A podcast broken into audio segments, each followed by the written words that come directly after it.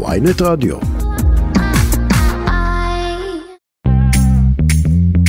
שלום לכם, אתם שוב איתנו בכסף חדש, הפודקאסט הכלכלי היומי של ynet. היום, יום שני ה-22 במאי, אנחנו בעיצומו של שבוע כלכלי משמעותי במיוחד, דיוני התקציב וחוק ההסדרים נפתחו הבוקר, והם צפויים להסתיים מחר בשעות הערב, ומיד אחריהם יחלו ההצבעות. אתמול דיברנו עם אחד מ-300 כלכלנים ששלחו מכתב אזהרה לממשלה על ההשלכות לטווח הארוך של ההסכמים הקואליציוניים ועל התקציב בכלל. אה, מוזמנים להאזין אם פספסתם לפרק אה, של אתמול. היום נעסוק בהרחבה בעניין כלכלי אחר שמשפיע על הכיס של רבים מאיתנו, הריבית שעלתה היום בפעם העשירית ברציפות ב-0.25% לשיעור גבוה במיוחד של 4.75%. נדבר עם נגיד בנק ישראל, פרופסור אמיר ירון, ונשמע מה הוא חושב על רצף העלאות הריבית. אם אנחנו לא היינו נוקטים בצעדים הללו, היינו באינפלציה, עלולים למצוא את עצמנו באינפלציה דו-ספרתית. מיד אחריו נעבור ליועץ המשכנתאות איתי מדריקס, אה, שיסביר בכמה תעלה המשכנתה הממוצעת ומה אפשר לעשות. העלייה הכוללת כבר עלתה לנו בשנה האחרונה בכאלף שקלים. לקראת סוף התוכנית נדבר עם כתבתנו נביד זומר על התייקרות הלחם המפוקח ומה הסיכוי שזה יתגלגל לעוד התייקרויות גם בלחמים הלא מפוקחים. אני דן רבן, עורכת התוכנית היא שקד אילת, וסתיו בצללי על הביצוע הטכני. אני רוצה להגיד שלום לנגיד בנק ישראל, פרופסור אמיר ירון, שלום. שלום, ערב טוב. ערב טוב. אז בהתאם לצפי בשוק העליתם את הריבית היום ברבע אחוז נוספים לשיעור של 4.75 אחוזים על העשירית ברציפות. אה, אנחנו יודעים שיש לך יום עמוס במיוחד אז בוא ניגש ישר ולעניין ברשותך. למה דווקא רבע אחוז? תראה, אנחנו מצד אחד אה, רואים שהאינפלציה אה, דביקה יותר, למרות שחלק מהמדד, ה, אה, חלק, מה, חלק מהמדד יש בו אלמנטים שהם מאוד עונתיים. אנחנו גם רואים פעילות כאשר מסתכלים על שני הרבעונים האחרונים ומנקים את אלמנט הרכבים, עדיין יש פעילות מאוד גבוהה, ומצד שני אנחנו כן רואים אינדיקטורים אה, מסוימים להתמתנות, ואנחנו רואים את זה בצריכה הפרטית, בכרטיסי אשראי, ירידה במשרות פנויות, ולכן העלאת הריבית הנוכחית נועדה באופן, אה, להמשיך בנחישות שלנו להתמודד עם האינפלציה מצד אחד, אבל היא משקפת את האיזון הנכון הזה והמידתיות אה, בהתאם, בהתאם למה שאמרתי, שיש גם עדיין פעילות גבוהה, אבל יש איזה שהם סממנים של התמתנות, ולכן אנחנו יודעים, כשאנחנו באים להעלות את הריבית, אנחנו מבינים את הכאב, אבל צריך להבין שאילולא היינו עושים את הצעדים האלה, האינפלציה הייתה יכולה להיות הרבה יותר גבוהה, והכאב היה הרבה הרבה יותר גדול. פרופסור ירון בעצם מה שאתה אומר אנחנו רוצים להמשיך להילחם באינפלציה אבל אנחנו רואים אה, סממנים שממתנים אותנו ולכן העלינו בשיעור יחסית נמוך של 0.25 אחוזים עכשיו אנחנו אה, בשלב הזה אולי קצת מתפצלים ממה שראינו עד עכשיו בארצות הברית אולי באירופה אה, ששם מדברים על הפסקות אה, העלאות הריבית. אנחנו יודעים מה הצפי שלנו להמשך בארץ כלומר אתם מתכוונים להמשיך ולהילחם באינפלציה בצורה הזו? קודם כל אני, אני חושב שהצעד שעשינו הוא המינון הנכון. זה, וזה המינוח שהייתי אה, מש, משתמש בו. אני גם אגיד יותר מזה. אנחנו צופים, וההערכות הן שגם המדד הבא אה, יהיה יחסית גבוה. וכמובן זה כבר גלום בהערכות שלנו.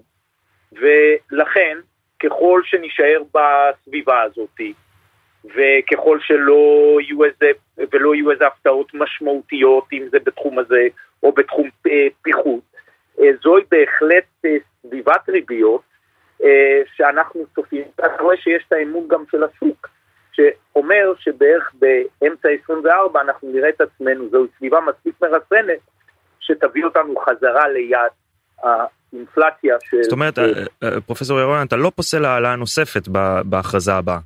אה, תראה, אני לא, בוודאי אני לא פוסל שום דבר נקודתי, אבל אני אומר שהרמה שאנחנו נמצאים בה, וככלל אני בוודאי לא אומר מה תהיה ההחלטה הבאה כזו או אחרת, אבל אה, ואנחנו נעשה את כל מה שיידרש, ואם זה יידרש. אבל אני אומר שכרגע אנחנו כבר מגלמים בתוך ההחלטות שלנו את המדד הנוכחי, צפי של המ, אה, אה, שהמדד הבא יהיה כנראה יחסית מדד גבוה. אנחנו לוקחים בחשבון את הפעילות במשק על כל מאפייניה, וככל שזה יישמר ולא יהיו הפתעות מאוד גדולות, כנראה הסביבה שאנחנו נמצאים בה כרגע היא סביבה מספיק מרסנת. הדקות המסוימת, איפה בדיוק נהיה, את זה אנחנו נשאיר להחלטה הבאה.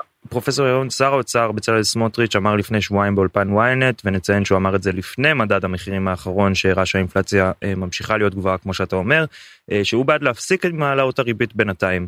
נוסיף שהוא הדגיש את זה גם לפני שהוא אה, הדגיש את זה שבנק ישראל הגוף שבראשו אתה עומד הוא עצמאי ושהוא צריך להישאר ככה אבל שזו דעתו האישית בוא נשמע ברשותך את הדברים. אני באופן אישי סבור שנכון לרגע זה אה, צריך להמתין עם המשך העלאות הריבית, אני חושב שבעניין הזה הפד האמריקאי טעה בהמשך העלאות הריבית, תראו איזה חוסר יציבות זה גורם לבנקים בארצות הברית, אני חושב שכרגע צריך לתת למשק לנשום, צריך לראות את ההשפעות. מה דעתך פרופסור ירון, לא הגיע הזמן להפסקה מהעלאות הריבית? אז קודם כל אה, חשוב שהשר ידגיש את העצמאות של, אה, של הבנק, זה דבר ראשון. דבר שני, הוא אמר את זה באמת לפני הנתונים שנכנסו בשבועיים האחרונים. אתה חושב שדעתו השתנתה?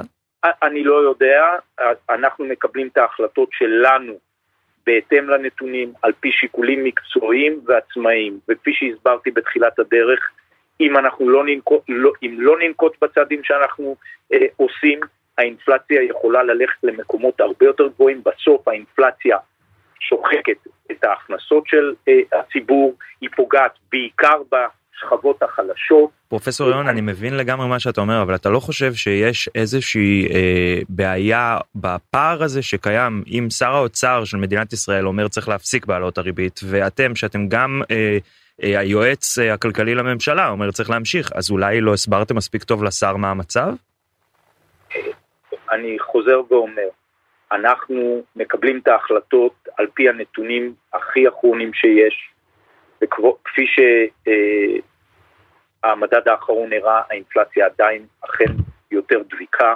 הפעילות, כפי שיצא, היא עדיין פעילות ערה, ולכן אנחנו, האחריות שלנו היא לוודא שהאינפלציה והתהליך העלאת הריבית, שהוא כלי, הכלי המרכזי, הוא כזה שיביא אותנו חזרה לתחום היעד. ואנחנו רואים שהשווקים וגם הגופים הבינלאומיים אה, באמת תומכים אה, בצעדים שעשינו. בלי כל קשר, אנחנו תמיד מקיימים שיח מקצועי וקונסטרוקטיבי עם השר אה, לאורך, לאורך הזמן. פרופסור ירון, מה דעתך על, ה, אה, על התקציב הקרב והכספים הקואליציוניים שמועברים בהיקפים גדולים לחרדים? האם הם השפיעו על ההחלטה אה, הנוכחית שלכם אה, להעלאת הריבית? אה, אני אגיד אה, קודם כל ככה, מסגרת התקציב היא דווקא מסגרת אה, יחסית מרסנת בכללותה, והיא תואמת את המדיניות המוניטרית במובן הזה ותומכת בזה, ואנחנו גם אמרנו את זה, וזה נכון גם לגבי הסכמי השכר שנחתמו. לגבי ההרכב של התקציב, הנושא של השתתפות החרדים בעבודה והקניית מיומנויות עליהם, יש, אה, אם היית אצלי בחדר היית רואה אה, דוחות בנק ישראל אה, לאורך כל השנים מדברים על זה, וחלק מהמספרים שיצאו מהניתוחים, ה-16 אחוז. כלומר אתה מסכים עם אזהרות הכלכלנית הראשית ולמעלה מ-250 כלכלנים שיצאו השבוע נגד העברת הכספים הקואליציוניים האלה.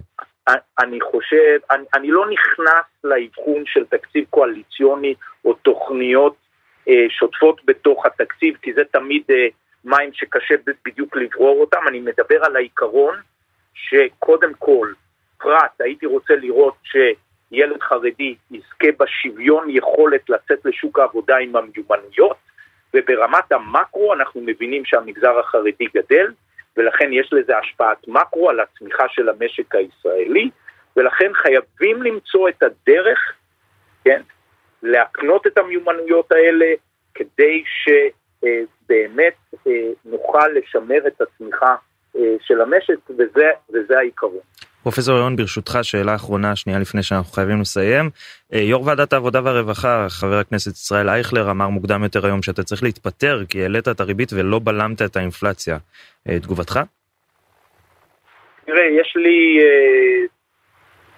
אה, אני כבר מכיר את התובנות של חבר הכנסת אייכלר מזה כבר הימים ב-2020 בדיוק כשנתתי נאום על חשיבות החברה החרדית וכניסתה לשוק העבודה, הוא, הוא בעצם נבחן אותי כאנטישמי. אז תרשה לי לא, אה, לא להתייחס, אה, וכפי שאמרתי לך, לעצם העניין, אה, אני, אני חוזר ואומר, אם אנחנו לא היינו נוקטים בצעדים הללו, היינו באינפלציה, עלולים למצוא את עצמנו באינפלציה דו-ספרתית, במצב שאולי חלק מהצופים או המקשיבים הצעירים לא זוכרים, בו אנשים בעצם מתחילים לכתוב חוזים בדולרים או, ב, או במטבע אחר, ולכן אנחנו, אנחנו נחושים להחזיר את האינפלציה ליעד, אה, והצעדים שאנחנו נוקטים הם מדודים בהתאם להתפתחויות הנתונים. טוב, נגיד בנק ישראל, פרופסור אמיר ירון, המון תודה שהייתי איתנו היום. תודה רבה. כסף חדש. אנחנו ממשיכים לדבר על הריבית שעלתה כאמור ב-0.25% אה, נוספים בפעם העשירית ברציפות. אני רוצה להגיד שלום לאיתי מדריקס, התאחדות יוצ... יועצי המשכנתאות, שלום איתי. שלום דן, מה שלומך? בסדר גמור, איך אתה? מצוין, מצוין. אז... מאשר קצת שהריבית קצת אה, גורמת פה קצת לזעזועים, בשוק המשכנתאות, אבל חוץ מזה הכל בסדר גמור. נו, אז הנה, בדיוק, במקרה הכינותי מראש שאלות קצת בנושא. מה, בכמה העלייה הנוכחית אה, מתרגמת למשכנתה, נגיד משכנתה ממוצעת, אני יודע שזה קצת משתנה מסכומים, ו- וכמה צמוד לפריים? בוא נניח משכנתה ממוצעת בסדרי גודל של נגדיר אותה כמיליון 200, ששליש מהווה במסלול הפריים כ-400 אלף ש"ח, העלייה הכוללת כבר עלתה לנו בשנה האחרונה בכאלף שקלים. אוקיי, okay, אה, אנחנו מדברים אבל בסך לאחר עשר העלאות ריבית, כמה ספציפית עכשיו? העלייה הנוכחית, כ-60 שקלים uh, תתבטא בהחזר החודשי, נניח למשכנתה של 400 אלף ש"ח שמבוססת על ריבית הפריים. כל 100 אלף ש"ח זה כ-15 שקלים עלייה בהחזר החודשי למשכנתה ממוצעת של כ-25 שנה. ככל שהמשכנתה לתקופה יותר קצרה, אז הרגישות הייתה קצת יותר נמוכה. כמובן. עכשיו, איך אנחנו, אנחנו מדברים פה על אה, באלף שקל, נכון? בשנה האחרונה תוספת? בשנה האחרונה אלף שקל למשכנתה כזו. יש גם לקוחות שלקחו משכנתאות גם של שני מיליון ושלושה מיליון, וגם לקחו אה, רכיבי פריים יותר גבוהים. ואז ההחזרים החודשיים קפצו בצורה מאוד מהותית. אז השאלה אבל... שלי היא, היא פשוטה, יש באמת חשש שאנשים לא יצליחו לעמוד בהחזרים? אה, לפי דעתי, כרגע, במצב הנוכחי, זה, זה הכיוון. כי אני... מה זה הכיוון? תשמע, אנחנו לא יודעים עוד כמה העלאות ריבית יהיו, ובספק, אה, אולי עוד יהיו, אבל בספק שזה עוד ימשיך הרבה אה, זמן ו- ו- וקדימה. אני, עכשיו, כל פעם אומרים, כן, לוקחי נוטלי המשכנתאות לא הצליחו לעמוד בהחזרים. כמה באמת בן אדם שלקח עכשיו משכנתה רצינית והיה לו סכום רציני לשים בצד, כמה עוד אלף שקל האלה ישפיעו? האלף שקל האלה מתווספים להרבה מאוד דברים אחרים, לעלויות במדד המחירים לצרכן, שהיום למשפחה יש הרבה פחות כסף פנוי, הם בדרך כלל לא קיבלו העלאות שכר בשנה האחרונה, לפחות לא רובם, אלה דברים שמשפיעים לאחד ועוד אחד ועוד אחד, ש... שממה שאני מרגיש, בכל יום יש פנייה של לקוחות נוספים שאומרים, אוקיי, בואו נראה אם אפשר להקפיא את המשכנתה, להוריד את ההחזר החודשי. מרגישים את זה מאוד גם בבנקים וגם במשרדי הייעוץ. אז בוא נדבר שנייה למי והאם בכלל כדאי אה, למחזר, או אם יש דרכים אחרות אה, לחסוך בהוצאת הענק הזו? אמ, יש היום לפחות הרבה יותר פתיחות מכל הבנקים, אני יכול לציין, שלגבי הקפאת המשכנתה. זאת אומרת שהם מאפשרים, זה נקרא grace חלקי, אפילו grace מלא, הקפאה מלאה או חלקית של תשלומי המשכנתה לתקופות של שלושה חודשים ואפילו במקרים חריגים גם בשנה וחצי, כדי למנוע מצב של default, של מצב שלקוח לא יכול פתאום לשלם, כי מהרגע שפתאום לקוח לא יכול לשלם, הבנק כבר לא יבוא לקראתו. מה לכן, האינטרס של הבנק שהוא עושה את זה? הבנק לא מנסה, הבנק הוא לא רוצה חס וחלילה להגיע למצב של דיפולט ולהעביר את הנכס, סליחה, לכינוס נכסים ול, ולהליכים נגד הלקוח. הבנק, הוא רוצה להרוויח את המרווח ריביות. הוא גייס כסף ב-X, הוא מוכר אותו, סליחה, ב-X פלוס 1, הוא רוצה להרוויח את המרווח ריביות.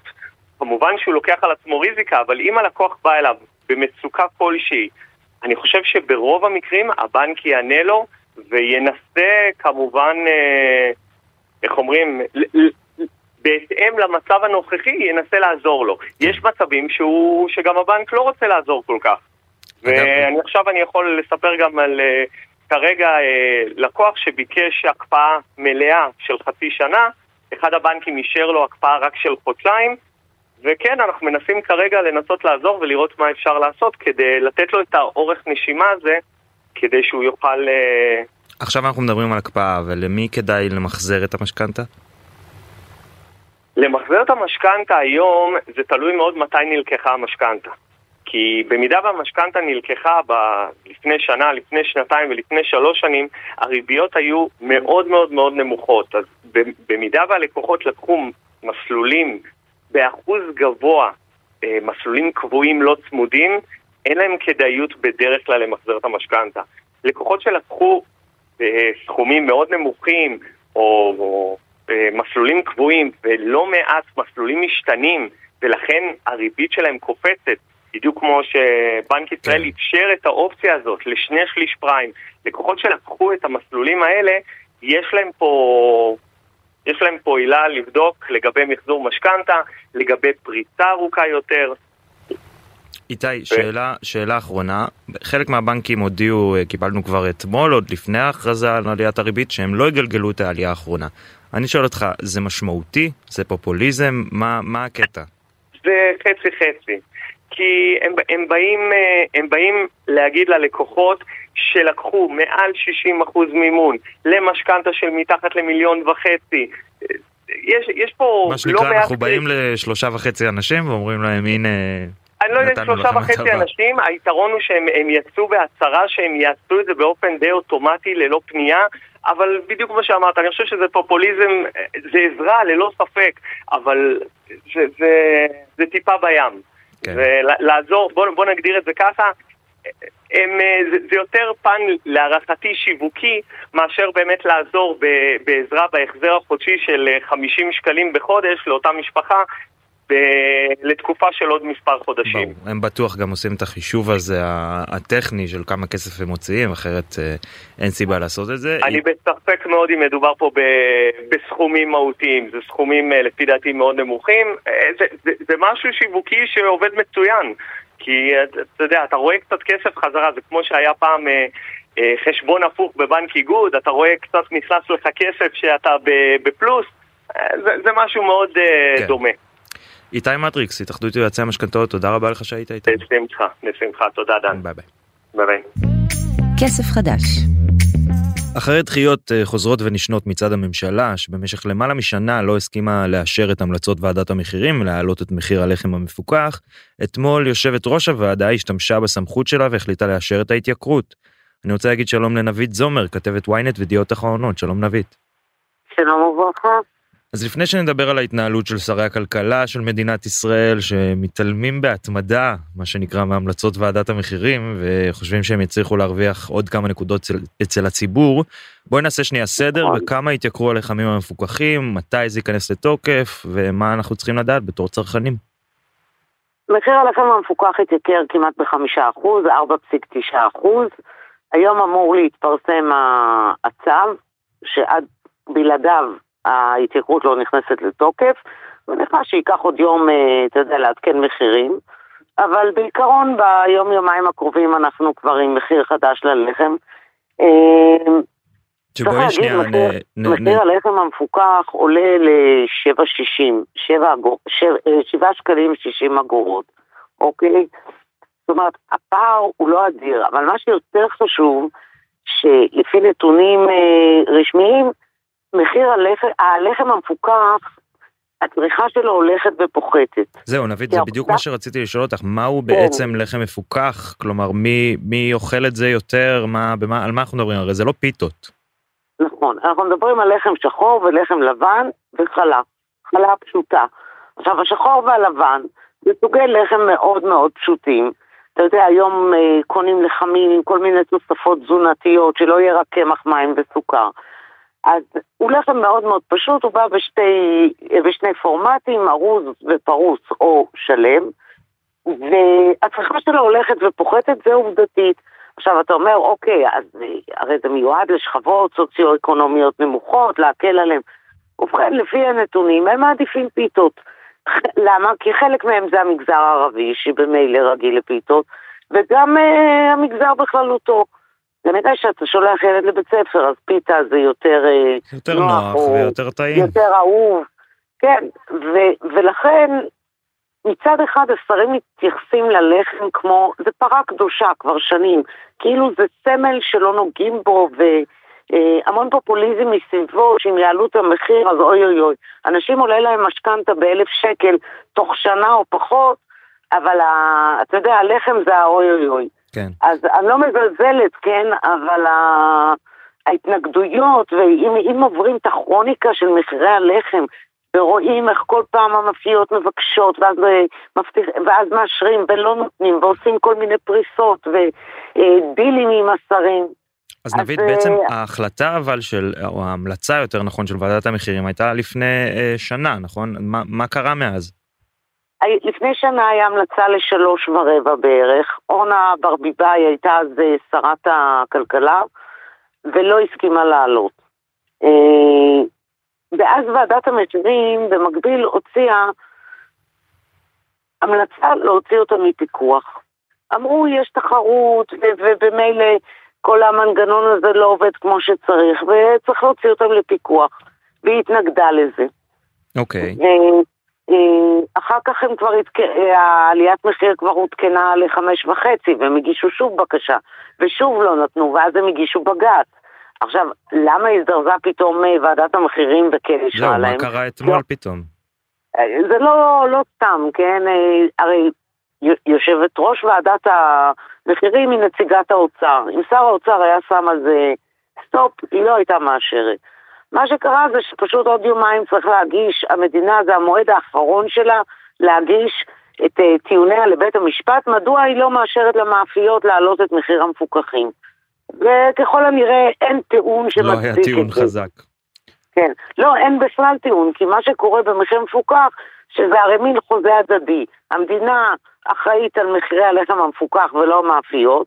מאידך, המדינה מתחייבת שתיתן לה, תעדכן למאפיות את מחיר התשומות הייצור כל פעם שהן אה, עולות או יורדות, תשנה לפי זה. אז נביא... אז מ... המדינה לא... מחירי הלחם המפוקח כמו שאנחנו אה, אה, אומרים עולים השבוע מה זה אומר או מה הצפי שיקרה למחירי הלחמים הלא מפוקחים אלה שבפועל רובנו אה, אוכלים? לצערי הרב מהניסיון שלנו זה כמו תאומים אה, ימים אחד עולה גם השני מתאים את עצמו תראה יש צידוק ב, בטענה שלהם שהתשומות הן אותן תשומות כן הקמח מחיר הקמח לא יודע אם זה לחם מפוקח או לא מפוקח כן. זאת אומרת אם יש לך אה, לגיטימציה מהמדינה או גושפנקה חוקית, שאכן התשומות שלך עלו, מחיר הקמח עלה, מחיר החשמל עלה, אז זה נכון גם ללחם הלא מפוקח באותו מידה. אגב, מה קורה עם מחירי מוצרי החלב המפוקחים? הם גם עוד אמורים לעלות? בראשון ליוני, זה שעת המבחן, אמור להיכנס לתוקפו הצו החדש, האחרון, כן, מהסיכום האחרון, שבו נקבע שהמחלבות יעלו מיידית בתשע ורבע בערך, או תשע עשרים ושמונה, והשאר יתגלגל. אבל היות והצו לא היה מוכן כשהגיעו לסיכום, אז נכנס לתוקפו צו קודם של שמונה עשרים ושמונה. זאת אומרת, אם, אם הצו מוכן בראשון לשישי, החלב שעד עכשיו התייקר רק ב-8.28 יעלה בעוד אחוז. תסלחי לי אבל זה פשוט באמת מגוחך שככה אנחנו חיים במדינה שלמה מצו לא תקף לצו כמעט תקף לצו יום לפני שמישהו חותם עליו ואז רגע מתחרטים ומשנים את האחוז פתאום מה קורה? פה, זה היה חג ידיעה אמיתי כי היו שלושה צווים קודם כל היה צו של ה-16 אחוז עליית המחיר שעליה המליצה הוועדת המחירים שהיא הגוף הרשמי לקבוע מחירים מפוקחים. כן. ואז האוצר אמר לא, נעלה רק ב-8.28 ונהיה הצו של ה-8.28. המח... המחלבות התנגדו, קראו להם לשיחה לילית, כופפו להם ידיים, הוחלט על 9.28. אז היה צריך להכין צו חדש, יש, יש 30 יום לפי החוק למדינה להכין את הצו החדש, הם מסתיימים בראשון לשישי, ואם הצו החדש לא יהיה מוכן, ייכנס לתוקפו הצו הראשון, ה-16 אחוז. מטורף, אני, אני בספק שאני, לי מאוד קשה לעקוב אחרי מה הולך שם, אני בספק שגם הם, מי שאחראים על לכתוב את הצווים ולחתום עליהם מצליחים. לא סתם, לא סתם האוצר בעיקרון מתנגד לשיטת פיקוח מחירים, לטענתו היא לא עילה, יש המון בירוקרטיה והכל. תלוי מאיזה צד מסתכלים, כי אם מסתכלים בצד המוסרי, אז כן יש, יש איזשהו צידוק לזה שאתה לוקח איזשהו סל מאוד מאוד בסיסי, ואומר עליו אני מפקח כדי להבטיח שבאמת כל האוכלוסייה שאיננה יכולה אה, להרשות לעצמה, יהיה לה לפחות כן, את המינימום במחיר כזה. אבל אני חייב להגיד שזה גם לא סותר, פיקוח מחירים לא אומר בהכרח אה, אה, סחבת בירוקרטית ברמה הזו, כלומר, או, או, או סיבוך. אה, אז בוא אנחנו מגיעים לפופוליזם. זה כבר שאלה של כמה, כמה הפיקוח יעיל. אני חושבת שהפיקוח הוא בסדר, הבעיה שמה יש בפיקוח? יש את הדברים הכי בסיסיים, נכון? מוצרי חלב, בסך הכל במשך השנים הוציאו די הרבה מוצרים. אז יש מוצרי חלב, יש לחם, וזה מין סמלים כאלה שכל אה, פוליטיקאי או שר חושב שאם הוא יחתום על זה, ציבור שלם של אה, מצביעים אה, ינטוש אותו. כן. ואני חושבת שפשוט לא, לא מתנהגים נכון עם השיטה הזאת. יש פיקוח, אז תעמדו שני הצדדים בנושא הפיקוח, המדינה צריכה לעמוד במחויבות שלה. מה שכן, צריך מפעם לפעם לבדוק. האם המוצר המפוקח הוא עדיין רלוונטי? הוא עדיין כדאי ו- ו- ומתאים לשוק. האם, אגב... האם הציבור באמת צורך אותו? אולי יש מוצר שיותר חשוב ממנו, או יותר נבית... חיוני ממנו. אתמול שר האוצר ושר הכלכלה יצאו בהצהרות שאמורות לשכנע אותנו שהם קיבלו את הביקורת הציבורית והתחילו לטפל ביוקר המחיה. מה נכון. כל אחד מהם הודיע שיעשה, מה המשמעות, אם בכלל שיש לצעדים האלה? יש מילת קסם, כשאתה לא עושה משהו פרקטי, מיידי, אתה מקים ועדה. הוועדה תבחון, הוועדה תשקול, הוועדה תבדוק, אנחנו לא יודעים כמה זמן הוועדה תעבוד. אבל uh, הוא החליט שמקים ועדה לטיפול במונופולים ובריכוזיות, שזה נושאים שכבר התייחסו בעבר ונבדקו, אבל בסדר, זה היה תרומתו לעניין. תרומתו זה שר הכלכלה? לא, זה היה סמוטריץ', שר האוצר. אוקיי. שר האוצר הודיע שהוא מקים ועדה, שהוא מקים ועדה, ומה אה, ניר ברקת כן. אמר? ניר ברקת אה, הוציא דרישה ל-15 חברות גדולות, חלקם ציבוריות, אה, להעביר נתונים לגבי המוצרים שבו הם שולטים, נגיד ג'ילט, אה, דיפלומט, שהם שולטים בנתח שוק. אה, וכל זאת בעילה שהוא שוקל להכניס את המוצרים האלה לפיקוח. עכשיו, בוא נגיד את האמת, המוצרים האלה לא ייכנסו לפיקוח, זה יותר הרתעה פסיכולוגית, שאנחנו, אני עושה לכם את המוות, כדי שפעם הבאה שאתם רוצים להעלות מחיר, תחשבו על זה טוב זהו, טוב. הוא בעצם מבקש מהם נתונים על, על כמה עולה להם לייצר וכמה הם מרוויחים מכל מוצר, נכון. אבל זה נתונים פרטיים שהוא לא יכול לפרסם גם, זה נתונים רק בשבילו, כלומר. נכון, אז פה באמת אה, תהיה לו דילמה, כי אני חושבת שהשוט הכי גדול לחברה כמו קוקה קולה, שהסוד הצבאי הכי גדול שלה זה באמת כמה היא מרוויחה, זה אם ידעו, אם ידעו בחוץ האמת. אבל אה, לפחות על פניו, זה נתונים סודיים שהם לא אמורים אה, פקידי הממשלה לפרסם אותם ברבים. כן. אבל זה מציק, זה מציק שמבקשים ממך, זה מציק שזה. ברור. אבל זה, אתה יודע, זה כלי... אבל אם מציק, לא, לא, לא נלחמים ביוקר המחיה. מציק אנחנו לא פותרים את הבעיה לעומק, אין ספק. ואני חושבת שכל הזמן הממשלה כרגע, או שר האוצר ושר הכלכלה, את כל האשם מטילים על היצרניות. עכשיו, אני לא אומרת שהם טלית שכולה תכלת, אבל לא יכול להיות שהממשלה גם לא תבדוק את עצמה. כמובן. אני חושבת ש, שמתוך המבקר ועד בכלל, ברור שבארץ עלויות הייצור יותר גבוהות. וצריך שלא נדבר על המע"מ. כן, כן, זה לא פותר את הבעיה, וכמו שאמרנו, זה בעיקר כן, ברמת הפופוליזם. נבית זומר, אה, תודה רבה שהיית איתנו, כתבת ynet וידיעות אחרונות. לצערי נגמר לנו הזמן, תודה לך. עד כאן כסף חדש להיום, תודה לשקד אילת על העריכה ולסתיו בצללי על הביצוע הטכני. אה, אני דן רבן, נחזור אליכם מחר ונדבר על עוד דברים שמשפיעים על הכיס של כולנו. עד אז שיהיה לכם המון המון כסף חדש.